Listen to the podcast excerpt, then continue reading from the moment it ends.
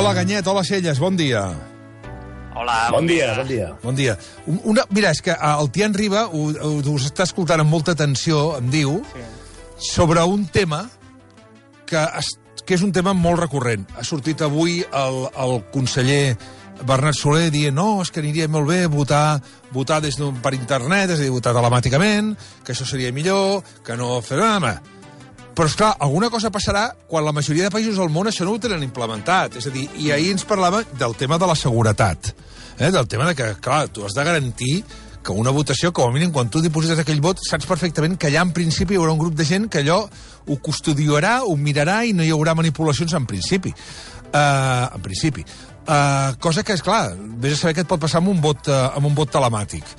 Uh, què està passant exactament? Celles, Ganyet, Celles, comences sí. i després Ganyet? Vinga, fot-li. Sí, no, no sé què dir enganyet d'això, eh? perquè sovint eh, discutim respecte a alguns temes, però jo crec que no, no, no estem preparats, o sigui, no hi ha cap mena de seguretat eh, que permeti garantir en aquests moments que unes eh, votacions electròniques en unes eleccions, que al capdavall jo diria que és més important que qualsevol altra cosa, eh? més important fins i tot que les transaccions bancàries o que els impostos o que, eh, diguem-ne, els registres sanitaris. Al final, en unes eleccions hi va la sobirania popular, hi va la- la- l'autoritat que manarà durant, eh, durant un temps en un país. Aleshores, no hi ha prou seguretat, ni el blockchain, que seria la tecnologia que sembla que podria arribar a garantir no? aquest anonimat per una banda i aquesta seguretat no? de la inviolabilitat eh, del vot que permetin a data d'avui incorporar una tecnologia per fer unes eleccions segures amb un vot eh, digital. Per això no s'està fent. Algú pot dir Estònia, Bé, Estònia és un país molt petit, no? amb una quantitat petit en territori i en nombre d'habitants, que sí que està implementant aquesta tecnologia. I potser a partir d'experiències com Estònia n'anirem aprenent. En cap cas, eh, jo diria que en aquests moments és una cosa que es pogués aplicar a casa nostra. D'acord? Uh, Ganyet. Sí, mira, això, i que no sigui un precedent, totalment d'acord amb el Jordi. Uh, la, la, no, la, eh, el, el tema és, eh, parlant en plata, és no en sabem prou. En sabem prou i no estem preparats. Estònia ho fan, porten molts anys fent-ho, amb, amb molt d'èxit, però això no vol dir que ho puguis fer. Eh, Una, una votació requereix de tota una infraestructura, i diria més, de tota una cultura democràtica i digital que no es fa d'un dia per l'altre. S'ha de començar fent proves eh, molt, eh, molt eh, controlades amb entorns petits i després es va ampliant.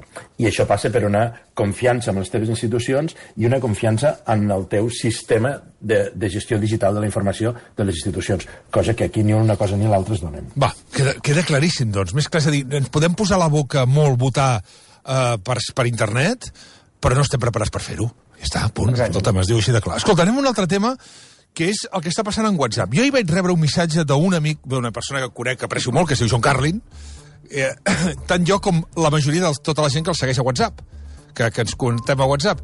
I el missatge que deia era que ell acabava ja en WhatsApp que es passava a altres eh, plataformes de missatgeria perquè ell volia acabar amb WhatsApp. Recordem que eh, des que la setmana passada WhatsApp va anunciar el canvi de les condicions, Signal ha augmentat un 4.300% el nombre de descàrregues i es va descarregar 8,8 milions de vegades arreu del món, una dada que, des, que, que contrasta amb les 250.000 que tenia abans de l'anunci de, de WhatsApp. I pel que fa al Telegram, a les últimes 48 hores ha sumat 25 milions d'usuaris nous.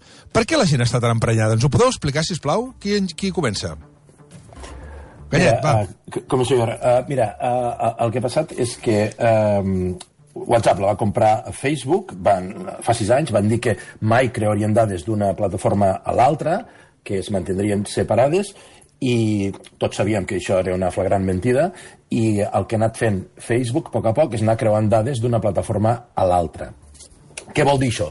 Que eh, Facebook sap els missatges que enviem, les fotos que enviem? No. Els missatges que enviem són totalment privats, són segurs, estan encriptats i només l'emissor i el receptor els eh, saben. Ara bé, tota la resta, i que a vegades és molt més interessant que el que hi diem, eh, sí que es comparteix amb Facebook. És a dir, eh, amb qui parlem, eh, la freqüència que ho fem, quin model de telèfon fem servir quan ens comuniquem, eh, el nostre número de telèfon es passa a Facebook, els nostres contactes es passen a Facebook. Eh, amb quin objectiu? Doncs perquè Facebook ens conegui millor, a nosaltres i als nostres contactes, i faci publicitat més ben segmentada i la pugui vendre més cara als, uh, als seus anunciants. Per, per tant, d'alguna manera, Ganyet, uh, això és important, però també és important dir que en l'àmbit europeu, a data uh -huh. d'avui, i gràcies a la llei europea de protecció de dades, que i ara en parlem quan parlem de, no, de Twitter i de YouTube mm -hmm. i de Trump i companyia, no? Uh, mm -hmm. on la política pot arribar a les xarxes socials o al món de la tecnologia, gràcies a aquesta llei europea de protecció de dades, totes aquestes novetats, diguem-ne, de compartir dades, a Europa no s'aplicaran. O sigui, en els països de la Unió Europea, i no només els països de la Unió Europea, sinó també el Regne Unit, perquè en aquests moments encara està en aquesta fase de, de traspàs, eh, va ser fa quatre dies, eh, la Niam Sweeney, que és la directora general de, per tot el territori, diguem europeu i del Pròxim Orient de WhatsApp, va explicar que aquestes noves condicions que han exaltat a tothom, com a mínim de moment, no s'aplicaran a Europa perquè hi ha una llei específica europea que el que fa és impedir que puguis, com per exemple això, no? creuar dades, encara que no siguin dades de converses, eh? dades com les que deia ara Enganyet fa un moment, eh? de números de sí. telèfon, contactes, imatge de perfil o el que sigui.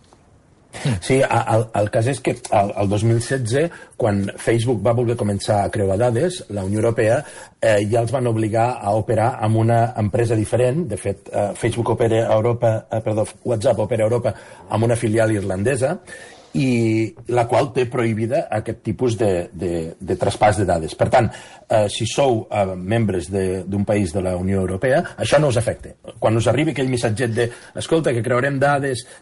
D'altra banda, és una cosa que a Facebook portava fent des del 2016. El que passa que ens donava una opció molt amagada que et deia no vull compartir dades amb Facebook. Però la majoria de gent ja li estava passant això.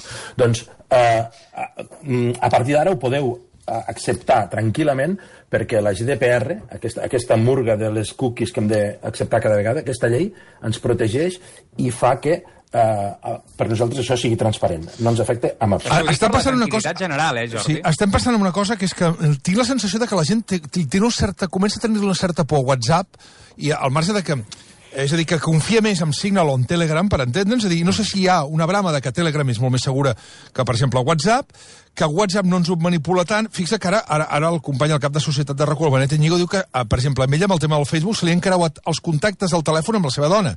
Diu que ara té ella, ell té ella tots els seus contactes, diu jo tinc els d'ella. Per tant, jo tinc... El, la meva mare és la seva i la seva mare és la meva. Clar, això és molt bèstia. Ah. No, no crec que sigui la norma, eh? No, no, no, però bueno, és igual. No, és alguna, alguna, no, perquè això és en algun moment, quan instal·les una aplicació, per sí. exemple, la instal·les en un mòbil o en un altre, o si comparteixes el perfil d'Apple ID, per exemple, i et diu, vols accedir a allò que et pregunten sí, sempre quan instal·les, no? Vols accedir als contactes perquè millorem la teva experiència i per alguna raó en aquell moment t'enganxa distet i dius sí, agafa't. Agafa't, perquè és quan comencen a passar coses sí. d'aquest tipus. Sí, sí, sí, sí clarament. Sí, sí, sí. Uh... Sí, a veure, pel que fa a la seguretat, Jordi, uh, Signal, Telegram i WhatsApp són tots igualment de segurs. De fet, Signal el va crear el, el, el, un dels creadors de WhatsApp quan va marxar rebotat de Facebook per aquestes mesures, perquè era contrari a tot això. Uh, L'únic avantatge que tenen Signal i Telegram és que no són de Facebook. Vol dir que ni passaran dades a Facebook ni faran les marnades que fa amb les dades que tots sabem eh, habitualment Facebook. Va, anem una altra cosa.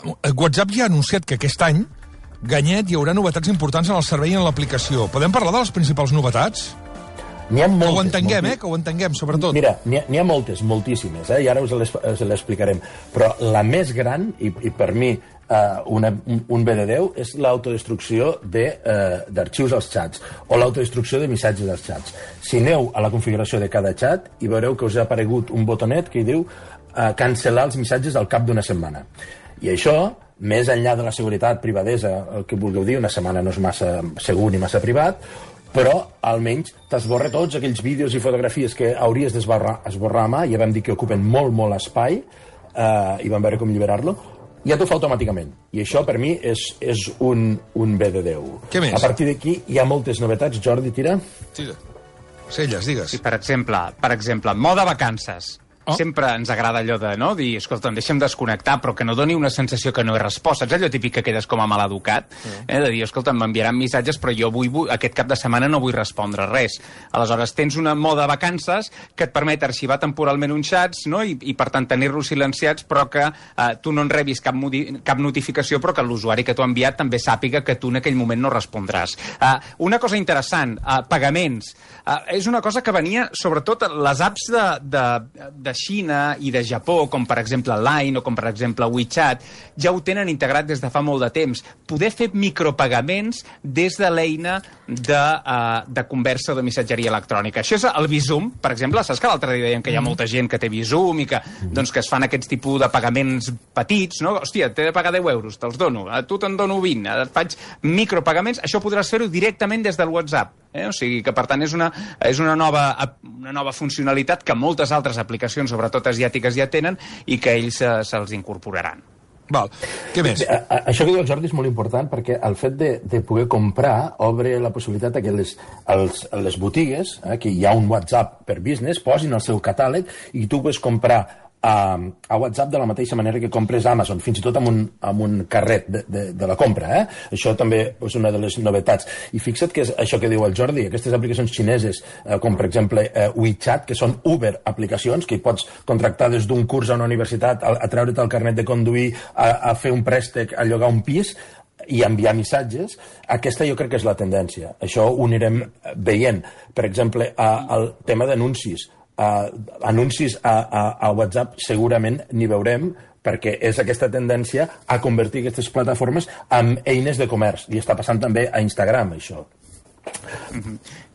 I finalment bueno. hi ha una cosa que a mi em sembla molt interessant, que és la de les videotrucades. Eh? O sigui, a, a, fins ara tu podies fer servir WhatsApp a l'ordinador, però podies fer-lo servir com a text. Quan havies de fer una videotrucada per WhatsApp ho havies de fer només des del teu dispositiu mòbil. A partir d'aquesta, diguem-ne, actualització del sistema, es podran fer també videotrucades com les que fem amb Zoom, o les que fem amb el Meet, o les que fem amb el Teams, doncs ara també podrem fer-ho amb el WhatsApp. El que busquen d'alguna manera és integrar, no? que tu puguis fer tot el que necessitis en el que seria l'univers també de les converses o del teletreball des de la mateixa aplicació. Um, escolta'm, després vull parlar, podem parlar del tema de Donald Trump? Home. que Twitter, Facebook i ara també YouTube bloquegen els comptes de Donald Trump. Jo que estic a favor de la llibertat d'expressió, no, no, jo estic a favor de la llibertat d'expressió. No, és un, és un gran debat, efectivament. Home. Una altra cosa és que si una persona amb el seu, amb el seu, amb el seu càrrec pot fer tot el que fa i pot dir tot el que diu i pot escriure pot el que escriure. És veritat també que Twitter és una plataforma privada, però que tots moros, tots cristians, no? Aquí és que és clar, és que no, no... Aquí tenim una posició molt diversa, en Ganyet i jo, eh? Ens vam Aviam. discutir tot l'altre dia. Va, foli, foli, foli. Perquè, perquè a, a, jo anava de, en la línia que no em semblava gens bé. Uh, aquesta acció coordinada de totes les empreses grans, no? les que es coneixen com a tech giants, uh, les grans empreses de xarxes i, de, i del món digital, Facebook, uh, Google, Apple, uh, lògicament també Twitter, uh, coordinada contra l'univers uh, que envolta Trump, una vegada eh, han estat més de, ja no diré 4 anys, fins i tot 6 i fins i tot 8, nodrint-se Eh?